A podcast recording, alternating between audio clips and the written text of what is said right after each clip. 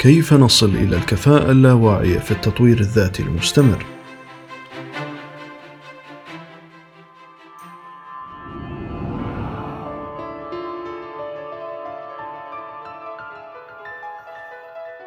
حياكم الله أخوكم إياب المجول وحديثنا اليوم عن مهارة التطوير الذاتي المستمر يقول رالف إمرسون أكثر ما نخشى القيام به هو عادة أكثر ما نحتاج إلى القيام به التطوير الذاتي المستمر هو عملية مستمرة ومتكررة طوال حياتك المهنية. لذلك من المهم جدا البدء بهذه الرحلة مبكرا. يعتبر التطوير الذاتي المستمر نوع من أنواع التعلم المتعددة وينظر إليه إلى أنه عملية مستمرة تنتقل خلال عدة مراحل وتعود لتتكرر مجددا. ومن السهل عليكم تحديد احتياجاتكم الخاصة في باب التطوير المهني. وكيف يمكن لك أن تكون مسؤولا عن تطوير مهاراتك الذاتية تبدأ رحلة التطوير الذاتي المستمر بالخطوة الأولى وهي الأهم تحديد احتياجاتك وقد تتم من خلال إجراء تقييم ذاتي وتحديد المهارات التي أنت بحاجة لها أو أن تتلقى ملاحظات من زملائك أو مديرك المباشر حول فرص التحسين وكيفية تطوير نفسك ومعرفتك. ثانيا، تخطيط وتنفيذ الأنشطة التنموية، وقد تكون هذه الأنشطة رسمية مثل الدورات والشهادات المهنية أو مؤهلات معينة، وغالبا ما تكون من قبل طرف ثاني كالجامعات أو مراكز التدريب المعتمدة.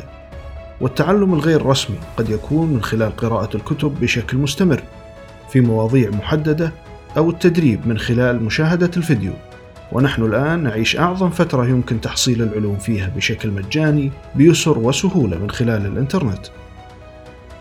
ثالثا وضع قياس وتحليل لسجل تعلم شامل ومستمر بحيث تدون فيه أي أنشطة سواء رسمية أو غير رسمية ومدى فائدته بالنسبة لك كما أنه يجب أن تكون على تصور واضح لكيف ستحول هذه الأنشطة في تطبيق ما تقوم به مقارنة بما تعلمته. أما رابعا فهو تطبيق التعلم الخاص بك ولكن حضورك لدورة أو مشاهدة فيديو قد لا يكون كافيا لتطبيق ما تعلمته ولكن حسب نظرية الكفاءة في التعلم وهي توضح أننا نتحرك في أربع مراحل وتبدأ في عدم الكفاءة اللاواعية وهي عدم معرفة ما لا نعرفه ومن ثم ننتقل إلى عدم الكفاءة الواعية أي أننا نعرف أين مواقع فرص التحسين لدينا ولكن لا نملك القدرة على القيام بذلك بأنفسنا. ثم ننتقل إلى مرحلة الكفاءة الواعية وهي القدرة على القيام بشيء ما بشكل محدد بشرط التركيز.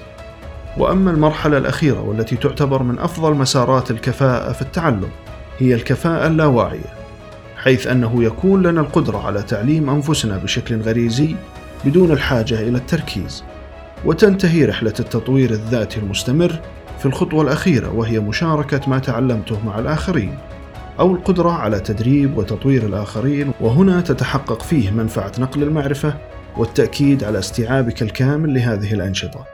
من الضروري جدا تسجيل الأنشطة الخاصة بك وإيجاد القدرة على إثبات ذلك وهو من خلال الاعتمادات الأكاديمية أو المهنية أو العضويات ويكون ذلك من خلال وجود محفظة إلكترونية تضع فيها أهدافك وتسجل فيها جميع دوراتك أو أي كتب قرأتها أو حتى القصور الذي تراه من خلال أدائك الوظيفي لوضع خطة لتطويره. يسعدني تلقي أمثلة منكم عن مهارة التطوير الذاتي المستمر. إلى هنا نكون قد أنهينا موضوعنا لهذا اليوم. ألقاكم بخير ودمتم بحفظ الله.